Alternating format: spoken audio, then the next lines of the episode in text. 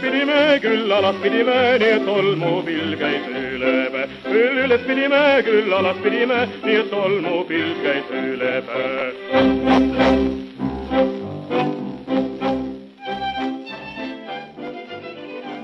tere kuulama tasku Vikerkaart, mina olen Aro Velmet ja täna on külas Gustav Kalm ning Tarmo Jüristo, kellega vestleme liberalismist ja selle kriitikast. Gustav kirjutas suvises Vikerkaares artikli pealkirjaga Liberalismi vastu, mille keskmes oli väide, et Eesti poliitika põhikonflikti taandamine liberalismi ja konservatismi vastandusele on eksitav äh, ja kahjulik. kas see nii on ja mida selle teadmisega peale hakata, sellest täna vestleme edasi nii mõnegi poliitikakauge inimese radarile on termin liberalism jõudnud ilmselt tänu kodanikuühendusele SALK ehk sihtasutus Liberaalne Kodanik. Tarmo, sina juhid seda sihtasutust. seleta natuke seda nimevalikut lahti, et kes on see liberaalne kodanik, kelle eest te seisate? jah, tere kõigepealt kõigile ja aitäh kutsumast. ja see lugu tegelikult selle Salga sün nime sünniloo osas on selles mõttes väga lihtne, et, et me lähtusime sellest, et või see tuli kõigepealt sedapidi, on ju, eks, et, et kui, kui sa otsustasime registreerida ennast sihtasutusena ja see annab kaks esimest tähte, S ja A kätte, on ju, eks. ja kuna ma sellel ajal tulin Praxisest just, siis Praxis on ka sihtasutus, seal oli niisugune kohutavalt pikk ja ebamugav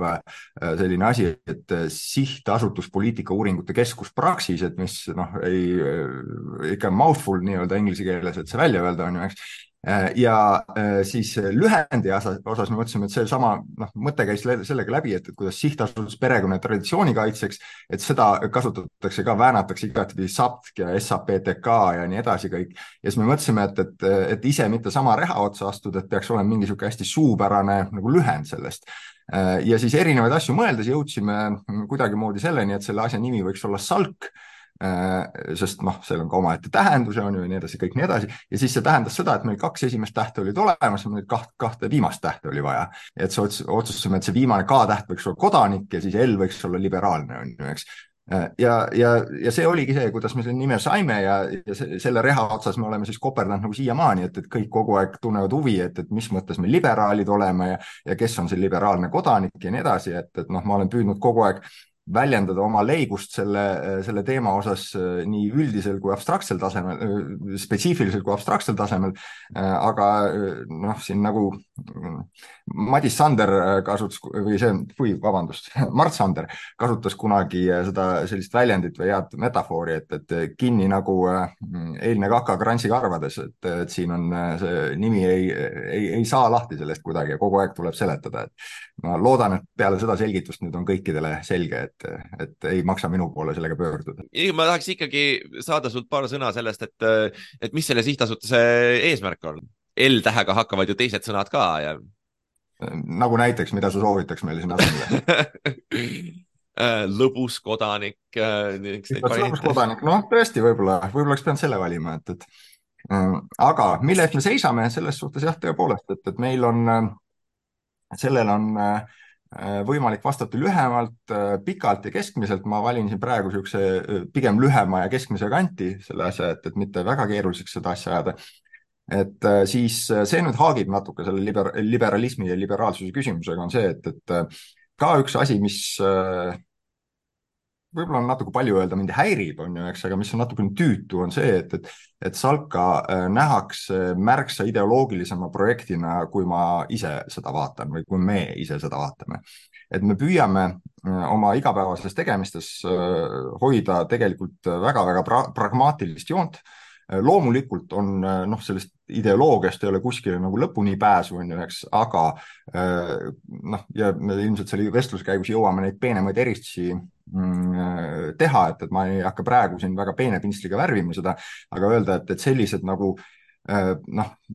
sedalaadi nagu maailmavaatelised küsimused nagu näiteks vasak-parempoolsus on ju, eks, või minu poolest ka näiteks seesama liberaalsus-konservatiivsus, et äh, oma igapäevast tööd tehes äh, ma pingutan ise küll väga selle nimel, et äh, ma nii palju kui võimalik need kategooriad suudaks ukse taha nagisse jätta. ja, ja tegeleda siis eelkõige sellega, et meil oleks selline keskkond, noh, suures plaanis, mis meil praegu on, et see jääks kestma, meil selline keskkond, kus äh, võimu vahetamine on võimalik ilma suuremate äh, eksesside ja, ja probleemideta, kus valimiste tulemused austatakse, kus demokraatial on olemas äh, mingid sellised noh, checks and balances, mingid kontrollid ja, ja raamid, mille sees see enamuse tahe manifest, manifesteeruda saab. Äh, üks nendest on muuhulgas siis sama, mis, mis liberalismiga on väga seotud, on indiviidi õigused ja vabadused, on ju, eks, et, et need oleksid äh, mingil fundamentaalsel tasemel äh, noh, kaitstud ja kaetud aga noh, neid parameetreid võib veel tuua, noh, ütleme, kui niisugust hästi lihtsa asja näite järgi analoogi või, või jah, paralleeli järgi haarata, et, et siis hoida ära libisemist selles suunas, kuhu nüüd juba hulk aastaid on libisenud Euroopas näiteks Ungari ja Päitse mm. Äh, no Gustav, see, see kirjeldus, mille äh, Tarmo siin andis, kus, kus EKRE on see äh, mänguvälja maha lammutada taht, tahtev jõud, mis fundamentaalselt erineb teistest. see, see tegelikult kõlab natukene nagu sinu äh, kriitika selle liberalism, konservatism eristuse osas, kus siis noh, me võime nimetada EKRE-t äh, konservatiivseks, me võime nimetada reaktsionäärseks või selliseks paremradikaalseks parteiks, aga igatahes oma artiklis sa juhid just tähelepanu sellele, et, et, et see, et Eestis on see vastandus äh, võtnud justkui ju EKRE versus enam-vähem kõik ülejäänud, aga, aga peamiselt Reformierakond, et kuidas äh, on sul siis probleeme selle Tarmo, Tarmo eristusega või? tere ka minu poolt ja aitäh ka minu poolt äh, kutsumast. Ähm, ma saan sellest, äh, mida Tarmo just sõnastas, sellest nagu probleemiasetusest väga hästi aru või see nagu tundub väga mõistlik probleemiasetus ju iseenesest, eks ju. võib-olla, et, et millega, mis ajendas mind seda artiklit kirjeldama ja kus ma arvan, et võib-olla, kust ma näen seda probleemi võib-olla mõne, mõne teise nurga alt, on see, et et see asi muutub probleemseks seal, kus sellele vastandina äh, sellele paremäärmuslusele nähakse järsku liberalismi niisuguse väga laia pintsliga tõmmatult. ja kui poliitiline väli tõesti muutub nagu nende justkui, justkui sellisele teljele taandatuks ähm,. sest mingit pidi võib mõelda, et äh, mul ei ole võib-olla otseselt nagu ekspertiis või ma ei, ma ei mm,, ma ei suuda ära otsustada, mil määral ma arvan, et kas EKRE on lihtsalt nagu üks õis seal aasal või mil määral ta on nagu tõesti selline äh, kolmekümnendate Saksamaa või kolmekümnendate nagu kogu Euroopas tegelikult, eks ju, kahekümnendate lõpust alates, kriisist alates kogu Euroopas olid nagu mitmesugused jõud nagu Eestiski, eks ju, jõudsime vaik, vaikivasse ajastusse ja mis iganes. et mil määral EKRE on nagu, EKRE ja need teised äh, paremäärmuslikud jõud Euroopas on justkui nagu või siis ka mujal maailmas, eks ju, taasinkarnatsioon millestki sellisest, ma, ei tea seda. aga mulle tundub mingit pidi ja võib-olla, kus võib siis näha, et kus võiks siis arvata, et seal on teatav sarnasus, et, et need säärased jõud on mingit pidi nagu ka ise liberalismi produkt, selles mõttes, et, et kui vaadata seda, et kuidas on poliitilist välja ennekõike Ida-Euroopas ähm, üheksakümnendatel ja kahe tuhandendatel loodud, ähm, mis laadi muutused nendes ühiskondades toimusid siis ma arvan, et see mm, rahulolematus äh, mitmete nende neoliberaalsete reformidega on, on mõistetav. Ja mul on tunne, et, et äh, vahel nende mm, EKRE hääletajate hästi kärme hukkamõist ja nendes tagurlike matside nägemine äh, ei aita tegelikult poliitilisele protsessile kaasa, sellepärast et nendel inimestel tihti võivad olla tõsised, tõsi, ma tean, kui vaadata neid küsitlusi ja asju, siis nagu EKRE valijad ei ole Eestis vältimata need, kes on ühiskonnas kõige viletsamal pulgal. et võib-olla nende sellist nagu rahulolematust, eks ju, kunagi üheksakümnendatel kanaliseeris Keskerakond palju paremini. Ähm, aga jah, mulle tundub, et see mm, mis on, mis võib-olla on olnud kahjulik või mis on juhtunud, on see, et sellest sellele, äh, sellel nagu EKRE-laadsetel jõududel on mõndades riikides õnnestunud see poliitiline väli ümber mõtestada äh, justkui nemad versus ülejäänud, aga nemad siiski jäävad nagu Eestis vähemalt nii selgesse vähemusse, et ma arvan, et säärane mm, mm, et säärane terve poliitikavälja selle järgi ümbermõtestamine mängib nende kasuks ja teisipidi, nagu ma seal artiklis ka väitsin, et see mängib Reformierakonna kasuks, kellel muidugi on raskusi sellega, selles mõttes, et eks ju need Reformierakonna nagu,, mitmed Reformierakonna seeniorpoliitikud, nad nagu, eks ju, neil on raske ühtepidi vaid nad on alati toetanud, eks ju, mingit vormi liberalismi, mis on tähendanud valdavalt, eks ju, madalaid makse ja võimalikult suurt majandusvabadust ja hästi suuri isikuvabadusi. aga isikuvabadusi, mis puudutavad ennekõike omandit ja majandussfääri ja samas nad on olnud nagu, neid ei ole seganud, ma arvan, nagu äh, rahvuslike, rassiliste ja seksuaalsete vähemuste diskrimineerimine ja võib-olla mõned sellised nagu väljendusvabadustega seotud äh, isikvabaduste piirangud ajalooliselt. et võib-olla nemad on omamoodi, ma kujutan ette, et, et tegelikult äh, nagu säärases vastanduses on ka Reformierakond mõnevõrra ebamugavas positsioonis, ka nemad ei ole selles täiesti mugavas positsioonis ähm,. et mulle jah, selles mõttes tundub, et, et see mm, küsimus ei ole niivõrd mitte, ma arvan, nagu selles, et, et ei peaks vastu seisma EKRE laadsele, kui EKRE-s on tõesti ähm, seda tungi ähm, lõhkuda checks and balances ja laiemalt, eks ju, esindusdemokraatiat ähm, kui ka peaks tungi olema, et mul on tunne, et selle vastu kogu ülejäänud poliitiline välja mängimine justkui see oleks mingi ühtne liberaalne kamp, et see lõpuks tuleb kasuks ennekõike ainult EKRE-le ja tegelikult võimendab seda arusaama, justkui see oleks määravad küsimused meie nagu poliitilises väljas. samas, kui meil on igasuguseid teisi küsimusi, mis puudutavad vaesust, Keskerakond, keskkonda, Keskerakonda äh,, äh, rahvusküsimusi Eestis mm, soolist võrdõiguslikkust, nii palju teisi küsimusi äh,, kliimamuutusega toimetulemine et mulle tundub, et see, see võib-olla muutus, mis Eestis on hästi kärmelt toimunud äh, viimase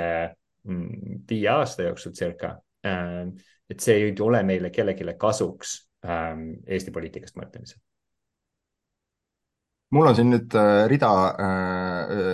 rida märkusi, et, et äh, mul üks juba läks meelest ära, püüdsin siin praegu kiirelt kirja panna tagantjärgi, aga kõigepealt alustades sellest, et mis sa ütlesid, et EKRE on Eestis Äh, ikkagi selgelt nagu vähemus. Äh, see kehtib äh, noh, enamusega asjade kohta, et ütleme, kui, kui sa vaatad Šveitsi valimisi, mis nüüd värskelt olid, on ju, eks, et SVP võitis need, aga on endiselt vähemus, nad ei ole enamus selles, selles riigis, et PIS võitis Poola, Poola valimised, on ju, eks, aga on vähemus, et ta, ta ei saavutanud kuskil enamust. Ja minnes nüüd tagasi sellesama, ütleme, kolmekümnendate aastate ja Weimari Vabariigi juurde, et, et siis äh, Natsionaalsotsialistlik partei ei saanud enamust et äh, nad olid samamoodi äh, ühiskonnas äh, vähemus, aga mis aitas siis NSA või noh, natsionaalsotsialistid NSDAP-i võimule Saksamaal oli see, et, et teine pool oli killustunud, et, et seal oli see, see polariseerumine Saksamaal, noh, kõige selgemalt sellel hetkel muidugi olid sotsid ja natsid, on ju, eks, kes omavahel paugutasid, on ju, eks, aga äh, natsid olid sellel hetkel noh, sarnases seisus, et neil ei olnud äh, sellel, sellel hetkel, kui tuhande üheksasaja kolmekümne neljanda aasta valimistel ei olnud neil kuidagimoodi enamuse toetust. Aga asjad läksid nii, et nad pääsesid võimule, et, et seal olid, need olid nagu enablers, et, et kes, kes aitasid nad võimule, eks ja, ja see on, see on asi, et, et mis, mis on tõsine probleem või tõsine oht, ütleme, ma ei tea, kas probleem täna ka Euroopas päris mitmel eri kohas, sest noh, see, see näha, et, et mis juhtub, et, et kui Orban sai võimule Ungaris, et, et millise, milleks ta oma seda võimu kasutas. et seda noh, lühidalt öeldes oma võimu põlistamiseks, selleks, et, et seda oleks võimalikult raske kangutada, mida, milleks BIS kasutas seda Poolas et kui neil see võim oli olemas, on ju, eks, et ja, ja kui see, kui see süsteem võimaldab sellist asja, et, et see, see vähemus saab võimule, siis ütleme, see retoorika, mida EKRE Eestis viljeleb, on ju samamoodi, et vaatamata sellele, et nad noh, siin arvamusküsitluste järgi, et, et siin on kuskil seitsmeteistkümne, kahekümne nelja protsendi vahel kõikunud siin viimasel ajal, on ju, eks, et neil endal ei ole vähimatki kahtlust, et nemad esindavad rahvast. et, et nemad on see, kes on see rahva nagu tegelik ja päris hääl nii et sellepärast ma arvan, et siin on äh, jällegi ohtlik äh, uinutada ennast sellest, et öelda, et oi, et neil ei ole tegelikult enamust. ja nüüd, äh, kui sa mainisid ka seda, et, et, et need liberalismi, konservatismi teemad ei ole võib-olla sellised tegelikult olulised, siis ma ütlen jah ja ei et, et seal peab tegema nüüd jällegi natukene peenemaid eristusi ja siin on koht, kus ma hea meelega kaevuksin andmetesse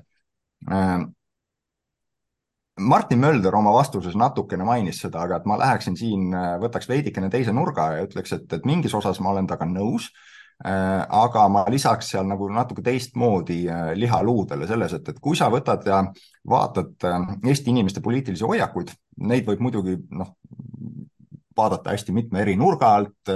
ja see, mida sa küsid, määrab seda, mida sa näed loomulikult, eks. aga äh, me oleme igakuiselt äh, nüüd äh, valimisteni kaks aastat igakuiselt pollisime siis nagu Eesti inimesi küsitlustel, uurisime nende hoiakuid terve hulga erinevate teemade osas ja läbivalt umbes siis kaheteistkümne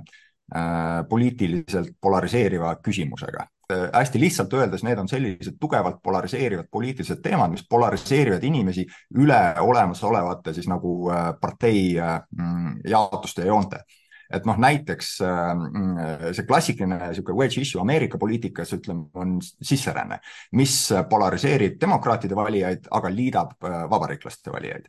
ja vot seda tüüpi nagu teemasid, meil olid seal sees noh, samamoodi kooseluseadus, abieluvõrdsus, äh, raiemahud, äh, kliimateemad, äh, meil on seal sõnavabaduse või siis noh, vaenukõne teemad, Euroopa Liidu teemad ja nii edasi, nii edasi ja hästi palju neid erinevaid. ja nüüd, kui sa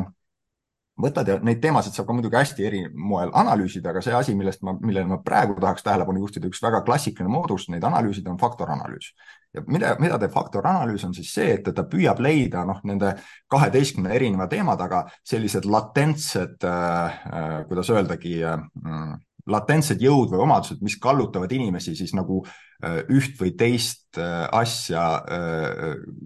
ühistelt aluselt äh, hindama ehk äh,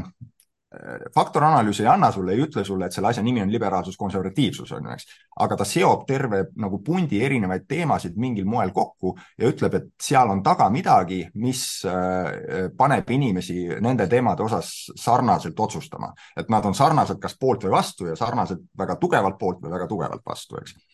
ja nüüd, kui me oleme neid analüüsinud nii ise kui siin Anu Realo abiga ka ühes äh, uuringus ja asjas, et, et siis äh, Anu Realo pakkus välja seal need äh, jaotused ja noh, tõlgendused nendele faktoritele, et kõige tugevama signaali annab see nii-öelda esimene faktor on ju, eks, mis, kui sa vaatad neid teemasid ja faktorlaadungeid, et, et siis Anu nimetas seda just nimelt liberaalsuse, konservatiivsuse teljeks. siis järgmine oli seal rahvuslik asi, et kuhu alla äh, grupeerusid sellised teemad nagu, mis hästi selgelt eristuvalt reaktsioonidega NATO kohalolu Äh, eestikeelne kool on ju, eks, et need annavad nii-öelda rahvussignaali. Ja siis kolmas oli selline nii-öelda sotsiaaldemokraatlik dimensioon, kus on siis äh,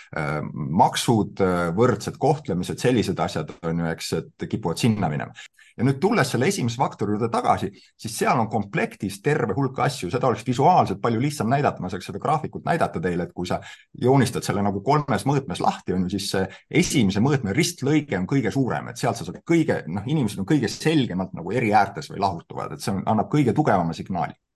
ja nüüd, kas see peaks nii olema, kas see võiks kuidagi teisiti olla? jah, selle üle võib arutada ja vaielda, aga see on see, kuidas ma ütlen, ta on ja kui sa tahad valimisi võita, siis, siis see on asi, millele tasub tähelepanu pöörata, et, et kuidas inimesed reageerivad mingitele teemadele ja asjadele, millistel alustel või, või millisel moel sa saad neid kõnetada ja tugevalt motiveerida mingites küsimustes. ja ma arvan, et huvitav on teada, eks ju, neid asju, et mis nagu inimestele tegelikult nagu uuringute järgi korda lähevad ja, ja millistes küsimustes need vastandused nagu kõige tugevamalt ühiskonnas tuntud on. võib-olla see tasand, äh, millel mina oma kommentaare olen teinud, on natukene selles mõttes teine ja see ei ole koheselt parteipoliitika ja valimistega selles laadis seostuv, vaid see on sellega, et noh, kui võtta nagu pikemas vaates, kuhu on liikumas mingisugused ühiskondlikud debatid ja see minu kriitika on olnud ennekõike selle aadressil, kui, kui, kui teha liberalismist teine poolus, siis valdavalt sellega tulevad sellised reformid nagu Reformierakond on Eestis tahtnud alati teha, eks ju, et mis on soodustavad äh, ühiskonna jõukamat osa ja on kahjuks ühiskonna vaesemale osale, et Eesti on, eks ju, riike, kus Euroopas äh, näiteks maksukoorem ja eelarve distributiivne jaotus nagu erakordselt jõukama ühiskonna poole kaldu ja kus vaesemal ühiskonnakihil on tõesti ühed Euroopa kõige kõrgemad maksud. et ähm, mm, et selles valguses mulle tundub, et, et noh, et jah, et võib-olla, et on kahju, et need teemad siis on need, mis hetkel nagu seda ühiskonda niimoodi polariseerivad, ei ole, eks ju, minu võimuses avalikku debatti ainuisikuliselt kuskile suunas nagu suunata, aga võib-olla osutada sellele, et mis selles, mis selles nihkes viltu on. Ja, ja mis ma arvan, et noh, et, et ja mis on seal oluline ja huvitav, on seda vaadata natukene pikema ajaloolise vinnaga ja mõelda seda, et kuidas Eestis, eks ju on tihti kombeks, just ma ütleks sellise nagu ma olen mõelnud viimasel ajal, et, et ma arvan, me kõik kuuleme tihti neid pühapäevaseid poliitikasaateid, eks ju, raadiost ja neid on hästi palju ja me saame valida ja et siis kuidas nendes saadetes on tihti niisugune nagu ähm, tina või see there is no alternative nagu vanasti oli see Margaret Thatcheri väide, eks ju, aga noh, ütleme niisugune laiem neoliberaalne baaskonsensus, ma just hiljuti nüüd kuulasin, see, mida mulle kõige rohkem neist meeldib kuulata, on olukorrast riigis ja siis see üks neid saatejuhte, kes mulle muidu tundus nagu enam-vähem usaldusväärne ja normaalne inimene, siis ta järsku ütles, et tema arvates sotsiaalmaksu lagi on nagu mõistlik poliitika. ma hoidsin kahe käega peast kinni ja olin appi, kuidas see võimalik saab olla. ja siis ähm, äh, siis ma mõtlen, et, et sellisel taustal ja kus võib-olla Eesti nagu ütleme minust tiba vanemad ja kindlasti ka minu vanuste inimeste nagu see poliitika mälu ja arusaam sellest, milline kapitalism olla saab see on ainult, eks ju, selle külma sõja järgne äärmiselt neoliberaalne nägemus kapitalismist. selles mõttes, et nemad ei ole kunagi oma elukogemuses näiteks näinud, eks ju, seda kuldse kolmekümne jooksul olnud kapitalismi. mitte, et see vältimata kõikides aspektides parem oleks, eks ju, sellest neoliberaalsest kapitalismist, kõikide mis iganes soosuhted ja ma arvan, et selle nagu üleidealiseerimine ja tagasiigatsemine, mida on läänes palju kritiseeritud, ma arvan, et jah, ei ole õigustatud, aga sellegipoolest sealt võib leida aspekte, ütleme kapitali ja töö vahelise jaotusest, mis on üsna erinevad sellest, mis on olnud kapitalismis nagu lääneriikides viimase neljakümne aasta jooksul ja ma arvan, et sealt võib nii mõndagi õppida, eks ju. ja ilmselge on see, et see ei tule ilma iseenesest tagasi ja tõenäoliselt nagu, eks ju, noh, ma olen nagu mitmed ajaloolased näidanud, eks ju, sellised suuremad redistributiivsed hetked ähm, majandusajaloos sünnivad valdavalt pärast suuri pauke, olgu nad siis, eks ju, tingitud sõdadest või nagu see oli, eks ju, teise maailmasõjaga või siis mingitest haigustest või muudest asjadest aga jah, ma arvan, et lihtsalt äh, Lance tahan öelda see, et, et kuigi meil võivad olla nagu, võib näha igasugustest nagu küsitlustest, eks ju, seda, kuidas mingid küsimused nagu homoabielu võivad polariseerida ähm,. siis ma arvan nagu, nagu ise võttes sõna ja mõeldes poliitväljast, ma üritaks teha nagu kõike, et mitte neid äh, polariseerumisi, mida niikuinii ajakirjandus väga kenasti võimendab, mitte neid kaasa võimendada ja rõhutada nendele punktidele, mis Eesti sellises postsotsialistlikus rõhuasetuses on tundunud mõnevõrra tabu äh,, nagu näiteks vaesus. seesama see teema, et äh, kas Reform on neoliberaalne erakond, et äh, siin äh, mulle tundub, et jällegi, et siin päris paljud inimesed äh, äh, kipuvad äh, olema olulise inertsiga selles, selles, selles küsimuses ja käsitlema reformi endiselt sellisena, nagu äh, nad olid äh, üheksakümnendate, kahe tuhandete alguses ja kuidas tegelikult ka Reformierakonnast tänaseni terve hulk inimesi ise seda erakonda näevad, on ju, eks nüüd, kui võtta ja vaadata äh, nagu noh, kui, kui ma oleksin, püüaks ennast panna sellise nagu marslase rolli, et, et ma, mul kogu seda ajalugu ei ole, et noh, ma ei ole olnud kunagi üheksakümnendatel ise Signe Kivi poolt hääletanud, on ju, eks, ja, ja kasvanud üles siin Siim, Siim Kallase transformatsiooniga äh, sealt äh, Nemo turniirist ja ametiühingu liidrist äh, siis äh, erakonna juhiks ja kõik nii edasi, on ju, mis on see minu, minu background. aga äh, öeldes, et kui ma täna peaksin nagu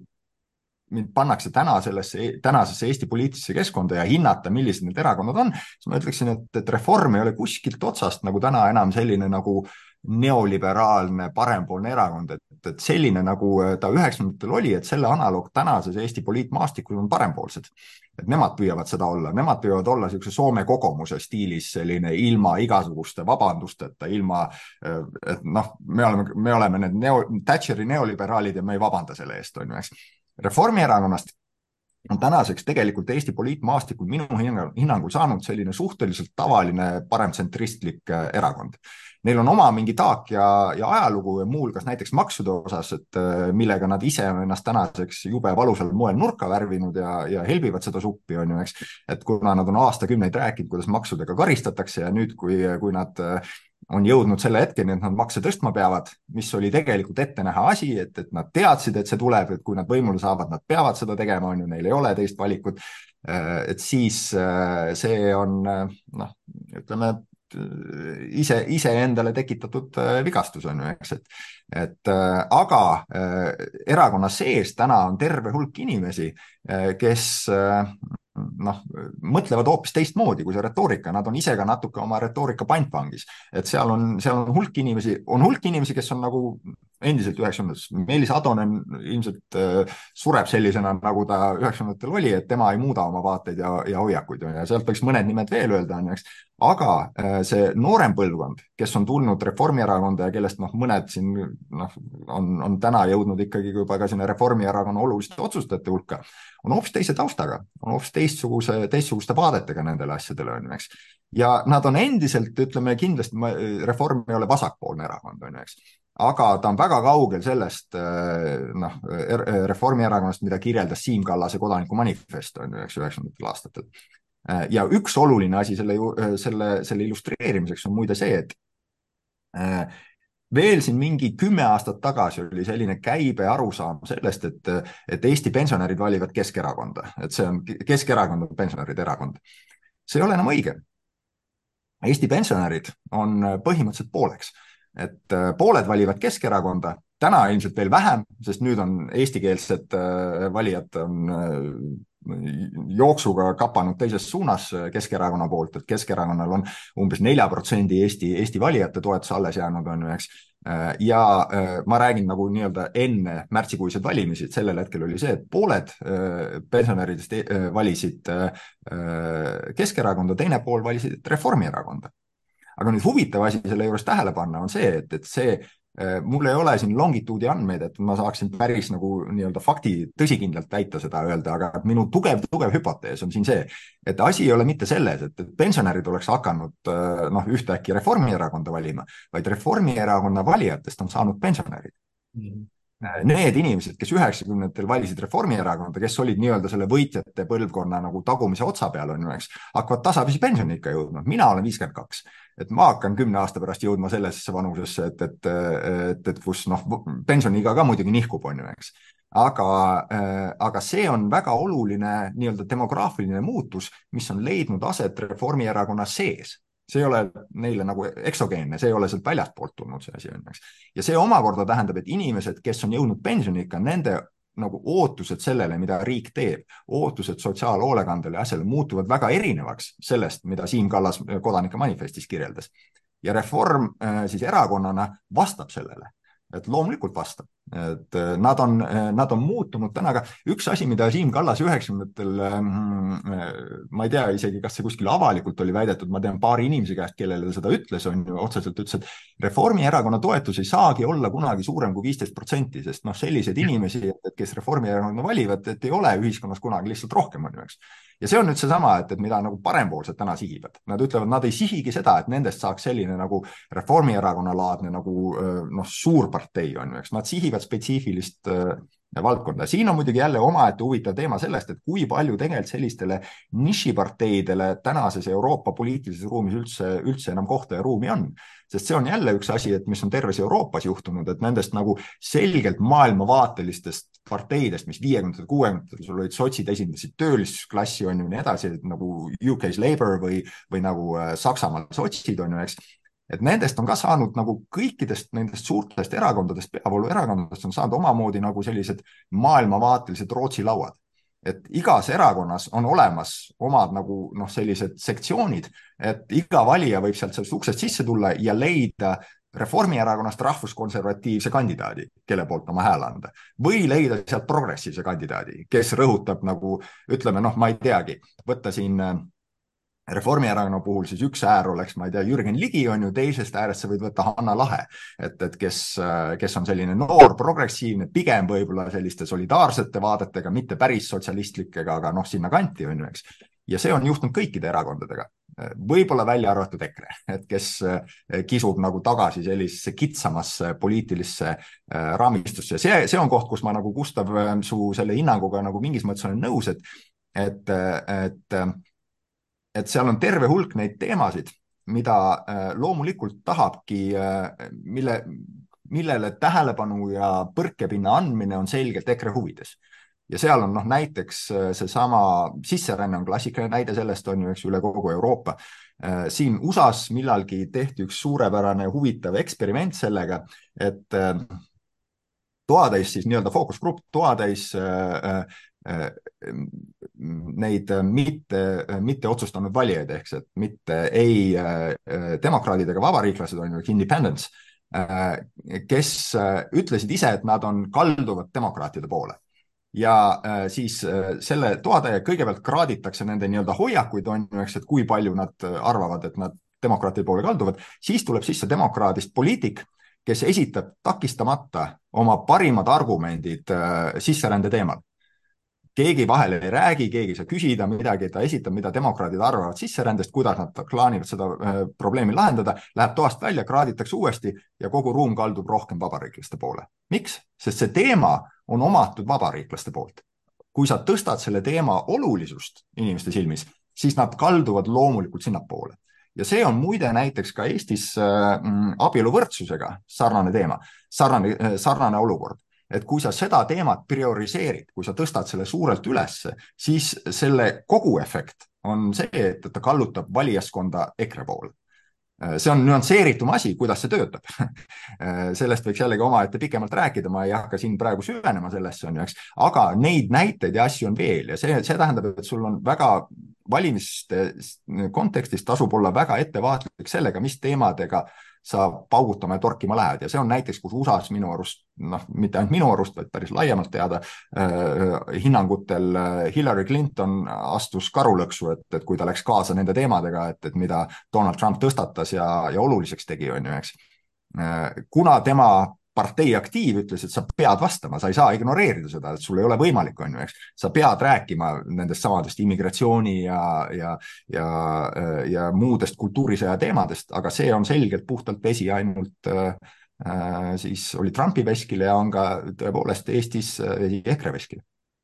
aga sorry, ma katsun, aga nüüd hästi, aga tahtsin lihtsalt kahes asjas öelda, huvitavalt ja et, et, et mulle tundub, et, et võib-olla nende paremäärmuslike erakondadega on ikkagi huvitav see, et neil ei ole tegelikult sotsiaalmajanduslikes küsimustes, neil on tihti pudru ja kapsad, neil ei ole selget seisukohta, eks, et mis Eestis minu arust oli väga huvitav, oli see, et kui ühes nendest mingist küsimustikus, mis Postimees oli koostanud, tuli välja, et nende vaated olid justkui pigem nagu vasakul, eks ju, sotsiaalmajanduslikes küsimustes aga siis Martin Helme räägib, et tema poliitiline iidol või nagu eeskuju on Margaret Thatcher. et seal, et see ja, ja sama, eks, kui ma mõtlen näiteks Prantsusmaal äh, Rassemblement National, siis seal on isegi nagu, leiad Le Peni perekonna sees leiad nii palju erinevaid seisukohti ja kuidas, ja kuidas praegu Marine Maréchal äh, nagu justkui, eks ju, promob, ütleme pigem ma ütleks nagu, et et nendel on nagu sotsiaalma-, kui Jean-Marie Le Penil vanasti ei olnud sotsiaalmajanduslikel teemadel, eks ju, väga olulisi äh, seisukohti. Marine Le Pen on pigem olnud nagu vasakul, eks ju, ja siis tema see ähm, Marine Maréchal minu arust on selle nagu see kõige noorem, kes on rohkem niisugune reformierakondlik, et nagu vabadused ettevõtetele, maksud maha, et see, et ta on selles mõttes, ta on, ma arvan, mingit pidi need paremäärmuslikud erakonnad on ikkagi nagu ähm, võib-olla laiema ampluaaga selles mõttes, et nad suudavad sotsiaalmajanduslikult majutada päris palju ja võib-olla rohkem ikkagi kui Reformierakond. ma saan aru, et seal Reformierakonnas võib täna Eestis näiteks leida inimesi, kes justkui on sotsiaalselt tundlikuma närviga ja ma olen nõus, et me oleme liikunud Reformierakonna mõttes sellest nagu Siim Kallase üheksakümnendate asjast väga kaugele ja see on tõesti rohkem parempoolsed täna, aga äh, seal on mingisugune nagu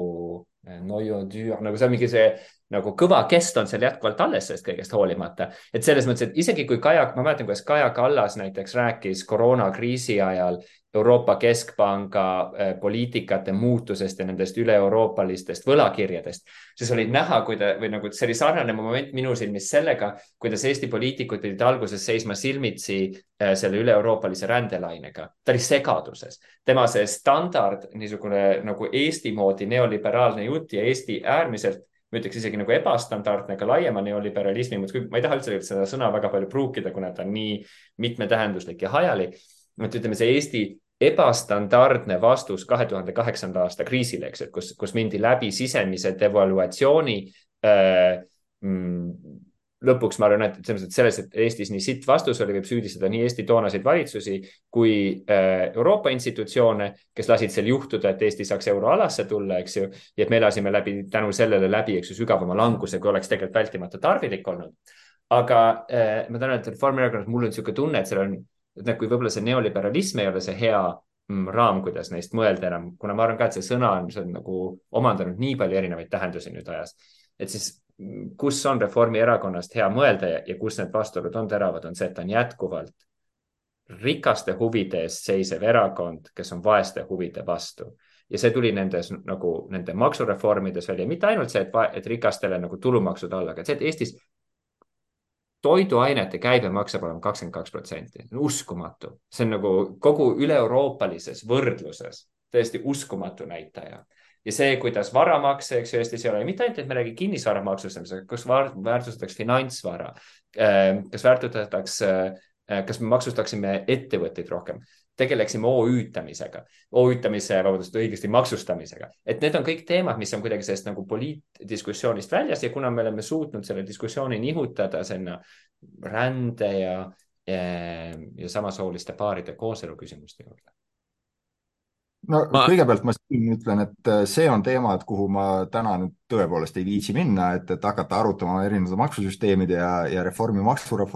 või siis Reformierakonna selle maksumuudatuste asjade üle, mul on siin. ärme seda tee jah teistsuguseid arvamusi, aga las nad jäävad, et see ei ole, see ei ole see asi, mida ma äh, siin viitsiks vaielda, sest noh, ma ütlen, siis me läheme hoopis, hoopis teise, mm, teise teemasse ja see on asi, et, et jah, millega ma, ma praegu lihtsalt ei, ei jaksa ega viitsi tegeleda, aga äh, korraks äh, mingi, mingi asi, mis meil siit äh, läbi käis, vot Arvo, sa tahtsid ise vahepeal midagi öelda, et me oleme, muidu räägime siin selle ma, ma, ma, ma, ma tahaks mõne mõne küsimuseni veel jõuda, enne kui meil aeg otsa saab. Ja üks nendest oleks see, et, et kui nüüd mõelda äh, teemadele, mis võiksid siis pakkuda mingit alternatiivi sellele liberaalne konservatiivne vastandusele, kus me räägime peamiselt sisserändest äh,, vähemuste õigustest äh,, nüüd ka kliimast, mis äh,, nagu sa, Tarmo, ütlesid, on äh, väga tugevalt äh, muudetud selliseks identiteedipoliitiliseks küsimuseks. et mis need teemad siis äh, olla võiks, et äh, noh, näiteks Tarmo, sa saatsid mulle ühe uuringu, mis näitas äh, Euroopa tasandil, et tegelikult paljud keskkonnaküsimused äh, ei pruugi äh, mäppida täpselt samamoodi sellele liberaalne konservatiivne eristusele. Äh, ja, ja võib seega olla äh, mingi alternatiiv mingisuguste teiste koalitsioonide loomiseks või vähemalt ettekujutamiseks ja siis tundus, et Eestis ka näiteks see metsaraie raie küsimus on, on mingi küsimus, kus võib-olla konser-, mõned konservatiivid leiavad äh, ühisosa näiteks äh, sotside või rohelistega. et, et mi, mida me, mis jääb meil märkamata, kui me keskendume sellele äh, identiteedipoliitilisele liberaalsus-konservatiivsus teljele? metsateemal muide ongi see, et, et konservatiivid ja liberaalid ongi väga paljudes asjades sama moel, samal meelel ja huvitav asi näiteks, mis mind üllatas ühel hetkel siin alguses oli, kui me seda, neid andmeid kätte saime, oli see, et, et et eestlased ise arvavad endast äh, äh, väga sellise noh, et, et, et me oleme hästi nagu metsarahvas ja meil on hästi oluline ja, ja ongi. Eest,, eestlaste enamus on selle poolt, on ju, eks, et, et metsaraiet peaks piirama. aga mind üllatas see, et, et see sentiment on palju tugevam venekeelsete äh, valijate hulgas. Ja täitsa selgelt tugevam on ju, eks, et ta ei ole noh, kordi tugevam, aga seitse-kaheksa protsendipunkti keskeltläbi tugevam ja, ja nüüd selle kohta on paljud inimesed mu käest ka küsinud, et mis see selgitus seal võiks olla. Ja seal on erinevad selgitused, mina tavaliselt sellele ütlen see, et, et see on seesama asi, et eestlane loeb Mikitat, aga venelane käib seenel. et, et see on Ida-Virus on see muide hästi tugev ja sealt tuleb huvitaval kombel just ka näiteks seesama üks põhjuseid, miks mets ja kliima ei korreleeru Eestis, et äh, Ida-Virumaal on, on keskeltläbi siis venekeelne valija on väga kliimaskeptiline, aga väga metsaraie vastu et äh, ja arusaadavalt jälle, eks, et, et kuna seal on äh, põlevkivitööstus on suur, on ju, eks, äh, tööandja, seal on jälle huvitav asi, mis tegelikult on loogiline, aga, aga ma ei olnud enne selle peale mõelnud, et, et kui sa võtad ja vaatad Eesti valimisringkondi või maakondi ka haridustaseme järgi, siis kõige kõrgemad on loomulikult Tartu ja Tallinn, eks, aga siis nende järel kohe on Ida-Viru. Ja sellepärast, et seal on hästi palju mäeinsenere, et seal on inimesed, kes on tegelikult siis nagu töötavad selles noh, põlevkivitööstuses äh, laiemalt ka keemia poole peal ja nii edasi, kes on kõrgharidusega, on ju, eks, kelle kõrgharidus on teistsugune, kui on äh, keskeltläbi Tartus, on ju, eks. ja, ja see, need on sellised nagu asjad, et mida alati tuleb silmas pidada, et, et kui sa, kui sa vaatad neid põhjuseid, et, et äh, otsida sealt tagant nagu mm, teistsuguseid asju. Gustav, kui sa mainisid seda, et sa ütlesid, et EKRE majanduspoliitilised programmid on puder ja kapp, lapsed, ma olen täiesti nõus, aga see kehtib ka valijate kohta valijate arusaam majandust, äh, poliitilistest teemadest, valijate arusaam maksuteemast on puder ja kapsad. et äh, sul on terve hulk valijaid, kes arvavad, et nad on parempoolsed, aga kui sa hakkad nende noh, vaateid äh, kaaluma, vaatama, siis tuleb välja, et sugugi mitte. et ne, nad hoiavad tervet hulka vasakpoolseid seisukohti ja on ise väga veendunud, nad on parempoolsed, on ju, eks ja, ja, ja võib samamoodi vastupidi olla, et, et sul on terve hulk inimesi, kes leiavad, et nad on vasakpoolsed, aga seisavad terve hulga selliste, on nõus selliste asjadega, et, et mis noh, nagu näiteks seesama, mis sa mainisid, šokeeritud äh, olid, et sotsiaalmaksu, maksulage pidas keegi äh, mõistlikuks poliitikaks, on ju, eks, et, et kes, ma ei tea, kas see konkreetne inimene ise ennast vasakpoolseks peab, ma kujutan väga hästi ette sellist olukorda, et on inimene, kes ise leiab, et ta on nagu vasakpoolne, aga arvab, et äh, sotsiaalmaksulagi on, on väga mõistlik äh, Äh, mõistlik, mõistlik maksupoliitika, et see ei ole kuidagimoodi nagu äh, noh, võimatu või ettekujutamatu. ja see on nüüd üks oluline asi silmas pidada üldiselt, mitte ainult majanduspoliitikate asjades, et inimeste poliitilised hoiakud ei ole tihtipeale kuidagimoodi nagu sellised mõistuspärased, äh, läbimõeldud ja tunnetatud ilma selliste mm, kortsude ja, ja ülekaateteta vaadete komplektid. siis tõepoolest näiteks seesama, see kliimateema on üks selline asi, mis noh, erinevate uuringute järgi registreerub eraldi poliitika dimensioonina, mis ei ole lihtsalt mäpitav siis nendele olemasolevatele konservatiivne, liberaalne, vasak-parempoolne. osalt siin on sellest ju varasemalt ka juttu olnud see, et näiteks palju kriitikat on olnud sellesama liberaalne konservatiivse äh, skaala osas ja selle asemel siis noh, politoloogias päris laialt kasutatakse täna seda äh, nii-öelda GAL, GAL-TAN äh, või GAL-DAN skaalat on ju, eks, et, et mis püüab seda nagu sisustada veidi teistmoodi või lahti pakkida seda, et, et see konservatiivse poole peale pannakse siis DAN, mis on traditsioon, autoriteet ja rahvuslus on ju, eks, pakett. Ja teisele poole siis roheline alternatiivne liberaalne on ju, eks, et, et mida siis äh, ja nüüd jah, küsimus äh, Aro teema juurde tulles, et, et kas me noh, peaksime mõtlema, et, et millised need dimensioonid on. ma ütleks siin, et jah, võiks, peaks, aga jällegi mul on tunne vähemalt, et mul on jalad üsna kindlalt põhjas, kui ma midagi ütlen selle kohta, mida inimesed täna oluliseks peavad kui me hakkame rääkima sellest, mida nad võiksid pidada, siis me läheme väga nagu spekulatiivsele pinnale, kus noh, igaühel võib olla arvamus, aga andmeid väga vähe mina just sellelt spekulatiivselt pinnalt tahaksingi sellele küsimusele vastata, kui tohib, et mul ei ole, selles mõttes, et ma ei ütle seda mitte mingite nagu andmete põhjal sellest, mida Eesti inimesed täna reaalselt arvavad, vaid ma ütlen seda selle põhjal, mis mina arvan, et mis on nagu ütleme mm, kaalutletult, võtad siis nagu mingitel rohkem filosoofilistel alustel, seega see nagu traditsiooniliselt spekulatiivne äh, selle kohta, mis ma arvan, mis on poliitikas oluline ja mis on Eestis alatähtsustatud. Mulle tundub, et okei okay,, need kliimaküsimused on olulised, metsaraie on olulised ja kindlasti nendes inimestel on arvamusi ja need haakuvad inimest, Eesti inimeste arvamustega, aga siis, kui mõelda nendest küsimustest mm, poliitiliselt ja mis ma arvan, kus nagu on, on oluline dimensioon, mis jätkuvalt Eestis mm, kolmkümmend mm, kaks aastat pärast taasiseseisvumist minu silmis ja minu arvamust mööda on, on äh, alaküsitud, on see, milline, millised poliitikad selles valdkonnas soosivad rikkaid, millised vaeseid ja see on Eestis jätkuvalt mingit pidi tabuteema ja see ei peaks seda olema. Ja ma arvan, et nagu kui ma tahaks omalt poolt nagu öelda nagu nii-öelda kaalutletud arvamuse selle kohta, kus ma arvan, kus Eesti poliitika võiks rohkem liikuda ja mis dimensioonile võiks rohkem mõelda, siis see on jätkuvalt see teema, et millised poliitikad soosivad vaeseid, millised rikkaid. Ja see on Eestis alaesindatud jätkuvalt ja et ka kliimapoliitikat on võimalik teha kodanlikult ja on, on võimalik teha sotsialistlikult näiteks um, ma, me peame varsti otsad kokku tõmbama, aga ma tahaks natukene veel äh, torkida seda spekulatiivset või, või potentsiaalset äh, poolt äh,. üks viis, Gustav, kuidas läheneda sinu küsimusele, et millised poliitikad soosivad rikkaid ja soosivad vaeseid, on äh, noh, et, et on võimalik teha ka äh, paremäärmuslikku poliitikat, mis äh, soosib mingis plaanis mingisuguseid vaeseid, eks ju, et äh, äh, Tõnis Saarts vastuses sinu artiklile juhtis tähelepanu, et, et Poola ja Ungari tegelikult on, on natukene sellise poliitikaga katsetanud, et Poola ilmselt on kõige tuntum näide, kus nüüd, nüüdseks välja hääletatud õigus ja õiglus andis väga palju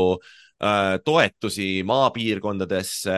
peredele Ähm, ja tegi siis sellist poliitikat, mida Saarts nimetas heaolu šovinistlikuks. Ähm, ja ilmselt äh, äh,, Tarmo, võib-olla sa tead Slovakkia äh, poliitikast rohkem kui mina, aga,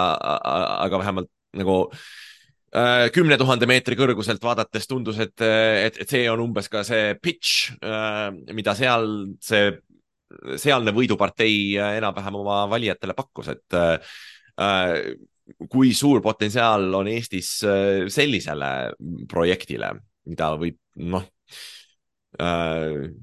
kindlasti ei oleks seesama liberaalne konservatiivne eristus, mis ta praegu on, aga oleks ohtlik teistpidi. ma ei tea, kumb teist tahab selle esimesena võtta, Tarmo? Äh, jäi selles suhtes, äh, noh, Ungari on sama asja teinud, Orban on, on pikalt sarna-, äh, samamoodi selle welfare šovinismiga mm, tegelenud ja, ja kindlasti on sellel laia, laia turgu ka Eestis, jah, et, et ja, ja EKRE on seda juba ka noh, mingites otsades katsetanud ja proovinud, et mingitel hetkedel neil olid needsamad teemad laual, mis oli noh, omaette niisugusel iroonilisel moel eelmistel valimistel, KOV-i valimistel vist nad tulid välja selle, selle plaaniga, et iga sündiva lapsega kustutada siis nagu mingit kodulaenu, mis oli noh, ajaloo irooniana otsene rida võetud ennast, NSDP programmist kolmekümne neljandal aastal, et see oli natsi, natsipartei programmis oli päriselt see rida täpselt samal moel, see poliitika olemas. mida, kui seda, selle tähelepanu juhiti, siis keegi EKRE inimestest ütles, ega sellepärast noh, see ei tee seda halb, halvaks poliitikaks, on ju, et natsid seda tegid, et, et samamoodi, et noh, et et ega sellepärast ju neljarealised maanteed halvad ei ole, et, et natsid neid ehitasid, aga jah, see oli, see oli huvitav, huvitav ajalooline paralleel lihtsalt. et EKRE on nende asjadega flirtinud niikuinii juba, on ju, ja, ja kui neil võimalus on, et loomulikult nad lõikaksid sisserändajad välja sellest kodanikele, kodanikele suunatud heaolupakettidest ja, ja see ei ole mingit kahtlust, et, et sellel oleks ka terve hulk äh, väga nagu selliseid entusiastlikke kaaselajaid või, või palju poolhääli, poolthääli sealt võtta et, et ma siin arvan, et Saarts on täiesti õigele asjale näpu peale saanud. aga Gustav, tahad sa seda kuidagi kommenteerida ise? ma, ma ütleks lihtsalt võib-olla teist jälle ajaloolisema kommentaari, et, et ähm, jah, et ma ei tea, kas, ma ei tea täpselt, mis EKRE-l selles osas kavas on, võib-olla Eesti tegelikult paistab ju selles mõttes nagu üle-euroopalises või üle mingi OECD-lises võrdluses silma, et meil on seda pigem vähe seni, et, et tegelikult nagu kui vaadata ka äh, teisi lääneriike, siis seal on tihti palju rohkem heaolušovinismi, et selles mõttes, et näiteks ma ei tea, Eestis maksusüsteemis ei tule abiellumisest mingit märkimisväärset kasu, aga enamustes lääneriikides tuleb, inimestel nagu individuaalne maksukoormus saab sellest märkimisväärselt langeda, kui nad abielluvad. Igasuguseid peretoetusi jagastakse sellistel nagu eeldustel, siis ütleme Euroopa. ära hea... peretoetuste osas küll nagu Eestit alahinda, et, et Eesti peretoetused per capita on Luksemburgist läksid mööda nüüd. ei, ei peretoetused on suured, aga ma tahan öelda, et jah, võib-olla, et, et Eestis ähm, ajalooliselt lihtsalt seda mm,, võib-olla ka see näiteks, et kas vene vähem vähemus on, eks ju, isegi kui nad ei ole kodanikud, on sisse arvatud mitmesugustesse sotsiaaltoetustesse, et Eestis võib-olla see süsteem on olnud nagu mõnevõrra universaalsem kui mitmel pool mujal äh, lääneriikides, võib-olla näiteks kui võrrelda, ma ei tea, ma olen praegu Prantsusmaal, Prantsusmaaga, kus see on hästi tugevalt ikkagi korreleeritud nagu selle süsteemi peensuste tundmisega ja mida mm, kui Bourdieu kunagi nimetas, eks ju, sotsiaaltoetuste akrobaatideks, siis ma arvan, et sotsiaaltoetuste akrobaat olemine nõuab teatavat hulka kompetentsi. ma mäletan seda ise, kui mu kaasa Ameerikas näiteks auto löögi ohvriks ja me pidime otsima, millised on need kindlustussüsteemid, kuidas see süsteem toimib, siis ma mõtlesin, kui ma oleksin olnud äh, inglise keelt kehvasti valdav immigrant, ma ei oleks tegelikult aru saanud sellest, millised olid New Yorgi osariigi äh, need nagu kaitsemehhanismid, mis, millest me saime tegelikult toona märkimisväärselt kasu ja ma ei oleks proovinud neid kunagi üles leida äh,. mulle tundub, et Eestis selles mõttes seda on seni vähe olnud, aga samas lääneriikide äh, sotsiaalkaitsesüsteem on ajalooliselt ikkagi olnud heaolu šovinistlik, selles mõttes, et äh, see on sündinud valdavalt, eks ju, impeeriumide kontekstis, kus on olnud inimeste tegelikult rassiline jagamine erineva astme äh, kodanikeks, et nii seda ta on olnud, eks ju, nii Prantsusmaal kui Inglismaal kui USA-s kui jah, Saksamaa kohta ma ei julge nii täpselt öelda, selles mõttes, et ka Bismarcki ajal, okei okay,, võib-olla see ei olnud nii selgelt, eks ju, nii rassilise jaotusega, aga, aga Prantsusmaal ja Inglismaal nagu see heaolusüsteem on tegelikult algusest peale olnud rassilise erisuse mm, alusel rajatud. selles mõttes sai sündida Euroopas, eks ju, ka ajastult, mil rahvusvaheline ebavõrdsus riikide vahel oli oma ajalooliselt kõige kõrgemal tasemel. et selles mõttes mulle tundub, et, et selles ei ole võib-olla midagi nii uut et ta on, et ta on, et, et, et, et heaolu jagatakse sovinistlikel alustel et äh, sa möödaminnes enne korraks mainisid, äh, ma korrigeerin lihtsalt, et kuulajatele jääksid äh, vale, mm, vale fakti nagu kõlama, on ju, eks. et teemad nagu kliima ja metsaraie on Eestis olulised. ma selle korrigeeriks, ütleks, et tegelikult ei ole olulised. et see sõltub, mis kontekstis või millega võrreldes olulisena vaadata, aga ma saan siin kohe öelda, et, et meil oli, me tegime enne valimisi, tegime ühe spetsiifilise uuringu, kus me hindasime seda teemade kuidas öeldagi siis aktuaalsust, inglise keeles on kaks terminit, mida eesti keeles noh, olulisus, olulisus katab mõlemat, et üks on importance ja teine on salience. nüüd see salience on see, millele ma keskendun, see on see, et kui nagu nii-öelda põletav või päevakajaline see teema on, mitte ainult oluline, vaid ka päevakajaline. ja me testisime kaheksateist erinevat sellist nagu teemat ja äh, valimiste eel kõige suuremad ja põletavamad teemad arusaadaval moel olid näiteks energia ja kütuse äh, siis hinnad on ju, eks, et nende käibemaksu teemad, mida EKRE üleval hoidis toiduainete, ravimite hinnad olid üleval seal, hooldekodu keskmise pensioni eest äh, oli äh, kolmandal-neljandal kohal seal ülemises plokis äh,. siin ülemise ploki teemad on need, mis tegelikult need olulisus on suhteliselt samas kandis kõik, ma loen seal ette veel, ütleme ravijärjekordade lühendamine, vaesemate mm, madalam maksustamine, miinimumpalk oli seal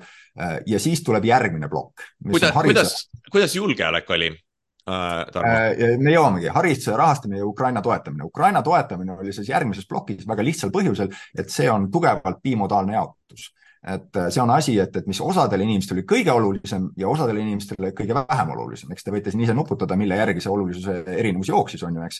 aga kui sa sealt võtad keskmise, siis ta ütled, et ta ei ole nagu tipus, ta on noh, see tugev teema on ju, eks, aga ta ei ole üleval, üleval tipus ja see, see on see, et noh, eestlasi on rohkem, kelle jaoks oli väga oluline teema, seal sees on ka omad nagu nii-öelda taskud, kelle jaoks ta oli ambivalentsem, EKRE valijate jaoks ta oli ambivalentsem, sest seal omamoodi jooksis sisse vaata see heaolu šovinismi nagu teine tahk on ju, eks rahvusvahelisel tasemel. Öeldi, et selle asemel, et me nüüd aitaksime EKRE-t, me peaksime oma inimesi aitama, mitte EKRE-t, vabandust, Ukrainat, Ukrainat. Jah, oma inimest aitama, EKRE valijate seas oli tervel hulgal inimestel oli selline, selline vaade. Ja siis muidugi venekeelne valija, kelle jaoks Ukraina aitamine oli väga madala, kõige madalama tähtsusega. Ja nüüd sealt edasi minna tagumisse otsa hakata jõudma, et siis seal olid noh, Haigekassa kõigile keskmises, keskmises asjas taastuvenergia, näiteks see kliimateema oli üsna keskel nende kaheksateistkümne, pigem seal nagu noh, selle piirist natuke allpool siis meil tuleb tuumajaam, vaimse tervise abi kättesaadavus, siis tuleb metsaraie ja nüüd me jõuame sinna, mis on neli kõige vähem olulisemat teemat. Way uh, outlier'il nii-öelda on kõige vähem oluline abielureferendum. Uh, see oli asi, mis nagu, uh, kui see üldse kellelegi korda läks, siis väiksel hulgal EKRE valijatest kõik ülejäänud ütlesid nende teiste teemadega võrreldes täiesti eba, ebaoluline Vene kodanike hääleõigus oli öö, madal asi, kusjuures mõneti üllataval kombel oli see väga madal, madala olulisusega venekeelsete valijate jaoks. sisserände piiramine oli öö, madal seal ja jõukamate kõrgem maksustamine oli madal ja see on, see on nüüd jällegi vaata, siin me jõuame, mm, Gustav, kui sa enne mainisid seda, et ütlesid, et, et noh, need majandusteemad võiks olla, majandusteemad ongi olulised, võrdsuse teemad ei ole väga olulised Eesti valija jaoks täna vähemalt. kas äh, natukene kinnitab seda äh, seda heaolu šovinismi potentsiaali mulle tundub. väga tundub jah uh,. no sellel uh,, jah Kusti? ja ma just ütlesin, et see on huvitav eristus, et need kaks, et need jagunesid nii erinevalt näiteks, et sa võid mõelda, noh, et need, et justkui nagu mõtled, nagu mõlemad on mingit pidi jaotuslikud küsimused väga oluliselt, eks, et, et nagu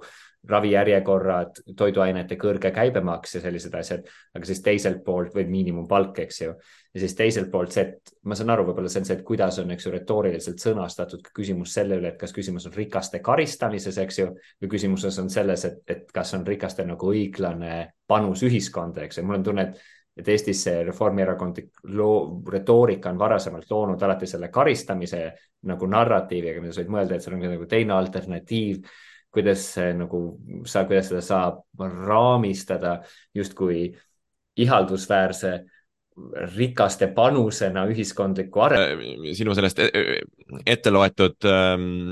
salient issues äh, nimekirjast minu meelest välja tuleb, on ka üsna tugev uh, toetus uh, Ahto Lobjaka teesile selles samas vastuses uh, Kustile, et uh, et Eesti siis nii-öelda liberaalsed parteid või ütleme siis need mitte EKRE parteid, ütleme jättes kõrvale Keskerakonna äh, võivad olla ideoloogiliselt, mida iganes nad ütlevad, aga, aga mida nad kõik kindlasti on, on mingil määral rahvusšovinistlikud. et äh, nad oskavad äh, vajutada seda julgeolekupedaali enne valimisi siis, kui seda vaja on, olgu siis kas tegemist kas sõjaprintsess Kaja Kallasega või siis sotside toimetulek on julgeolek kaardiga ja et, et see on see, mis selles valijasegmendis müüb, eks ju, ja Reformierakond ja, ja veel ütleme näiteks Isamaa äh, on ilmselgelt otsustanud, et, et Vene valijat nad ei hakka kunagi püüdma. Või võib-olla ma ei tea, kas su andmed näitavad midagi, midagi teistsugust. Äh,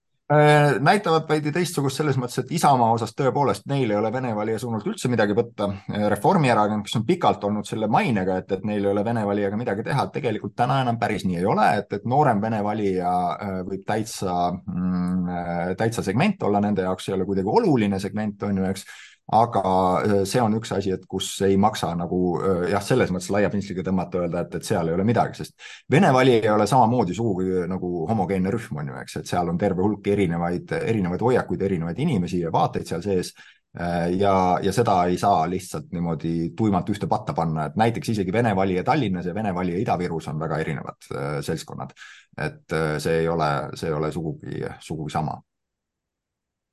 Kosti, kas sul jäi sellest nimekirjast midagi silma, mida sa tahaksid äh, esile tõsta äh, nendest äh, salientsetest teemadest? Ähm, ei, mulle võib-olla selles mõttes, et ma ei ole seda nüüd konkreetselt seda küsi-, küsimustikku näinud ja kuidas nad täpselt seda statistiliselt jaotusid, et ma ütlen seda lihtsalt selle põhjal, kuidas Tarmo seda meile siin sõnastas, aga mulle tundus, et see nagu pigem toetas seda, mida ma enne just ütlesin, et, et tegelikult need distributiivsed teemad nagu võiks olla Eestis see, millele tuleb, mis see on raud, mida võiks palju rohkem taguda. et kui need on küsimused sellest, et ravijärjekorrad, kui need on küsimused toiduainete käibemaksust, kui need on küsimused miinimumpalgast, siis need on olulised distributiivsed küsimused ja kui need lähevad Eesti inimestele korda, siis seda, seda enam tundub mulle ebaloogiline see, kuidas Eesti meedia viimased paar aastat on rääkinud poliitikast, justkui see oleks liberalismi ja konservatismi omavaheline vastandus. üks viis, kuidas seda võiks sõnastada, mulle tundub, on ka see, et et see on teema, millest tuleks äh, nii-öelda liberaalsel plokil või kuidas me iganes me tahame seda mitte EKRE valijaskonda nimetada äh,, jõulisemalt kinni haarata, enne kui äh, EKRE avastab, et äh, Poolalt ja Ungarilt on üht koma teist õppida ja et seda heaolu šovinismi pedaali võiks palju, palju julgemalt äh, alla vajutada sest et seal, kui seal potentsiaali tundub olevat, siis võib ka olla see teema, mille äh, EKRE saab muuta nii-öelda omaenda identiteediga seotuks. Ja, aga ma ütleks, et need teemad tegelikult, mis siin, mis ma ette lugesin, need leidsid ka valimistel käsitlemist, ütleme, siin on mingid asjad jällegi, siin peaks olema täpsem, et energia ja kütuse käibemaksu teema on selline, mis oli ülivõimsalt ja tugevalt registreerus EKRE valijate segmendis, aga mille osas näiteks Reformierakonna valijad olid ja sotside valijad olid suhteliselt leiged et äh, see, äh, äh, et, et sedakaudu seda probleemi peaks lahendama, on ju, eks. nüüd jällegi hooldekodu teemad, see, see oli, see oli asi, mis oli minu jaoks võib-olla mõneti üllatavalt tugevalt pollis ka kõikides, kõikide erakonna eelistuste seas ja see oli asi, mida erakonnad kasutasid seal. et kui sa vaatad seda, mille pealt erakonnad valimiskampaaniaid tegid, siis see ei olnud liberalismi, konservatismi vastandus aga samal ajal teiselt poolt ma tahan nüüd öelda seda, et, et jällegi, kui sa vaatad andmeid, kui sa vaatad seda, kuidas inimesed äh, erakondade suhtes äh, oma äh, neid äh, hoiakuid väljendavad, siis see on nagu vaieldamatu fakt, see poliitilise välja nagu tugev, tugev polariseerumine EKRE versus teised. kas sa tahad seda lõpuks nimetada liberalismi, konservatismi vastanduseks, mind ei huvita, see ei ole nagu sellel, see, see on siin kõrvaline. ma saan sulle ilma mingisuguse kahtluse ja kõhkluseta väga selgelt näidata, et see kehtib ja see ei kehti mitte ainult Eestis, see kehtib Saksamaal näiteks AfD osas samamoodi, et AfD valijad on väga negatiivselt meelestatud kõikide teiste erakondade suhtes põhimõtteliselt ja kõik teised, teiste erakondade valijad on väga negatiivselt meelestatud AfD vastu ja EKRE on Eestis täpselt samamoodi. nüüd, mis sellega teha, kas sellega midagi peale hakata, kas siit öelda, et see on kuidagi liberalismi, konservatismi vastandus, mingis mõttes seda noh, nii-öelda nagu lais, laisalt võib kasutada seda asja, on ju, eks. aga kui sinna sisse hakata kaevuma, siis sa loomulikult leiad, et need asjad, mille, mis inimestele korda lähevad, on nagu teistsugused, aga neid on väga lihtsalt võimalik mobiliseerida selliste teemadega, mis neile ütleme, võib-olla selle, kui sa, kui sa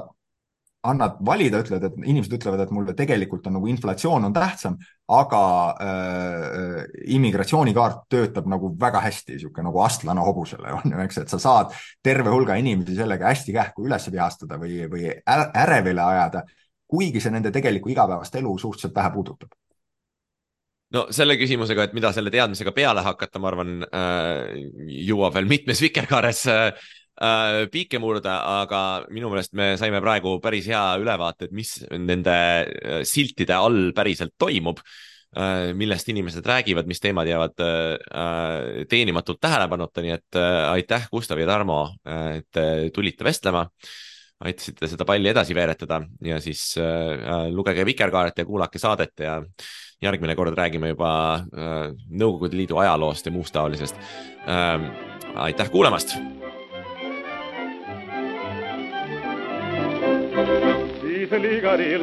sõitsin ema nii edasi kurva meelega. küll üles pidime, küll alas pidime, kuid enam mina neiukest suudlema ei lähe. küll üles pidime, küll alas pidime, kuid enam mina neiukest suudlema ei lähe.